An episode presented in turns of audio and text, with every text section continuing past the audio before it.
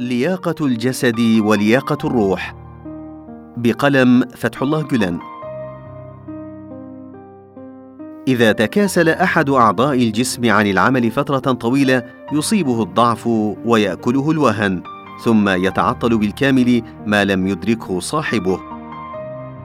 هذا فيما يتعلق باللياقة الجسدية. كذلك الأمر في اللياقة الروحية. ثمة حاجة ملحة إلى رياضة روحية مستمرة للحفاظ على أدائنا في هذا الباب. من هنا تتجلى حكمة الصلاة في خمسة أوقات كل يوم وحكمة صوم رمضان شهرا في السنة فضلا عن النوافل. فالقلوب النابضة بالإيمان ترمي في منهل العذب المورود بدلوها خمس مرات في اليوم تخرج منه ماء عذبا طهورا تغتسل به وتتنقى. إنها تسعى في اليوم خمس مرات إلى أن تتعرف على الله وتحس به في أعماقها وتجدد أنفسها.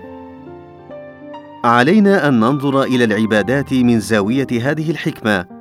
ونربط قيامنا وقعودنا وليلنا ونهارنا به سبحانه حتى نحافظ على أدائنا الروحي وتعشقنا لمعاني ديننا العظيم.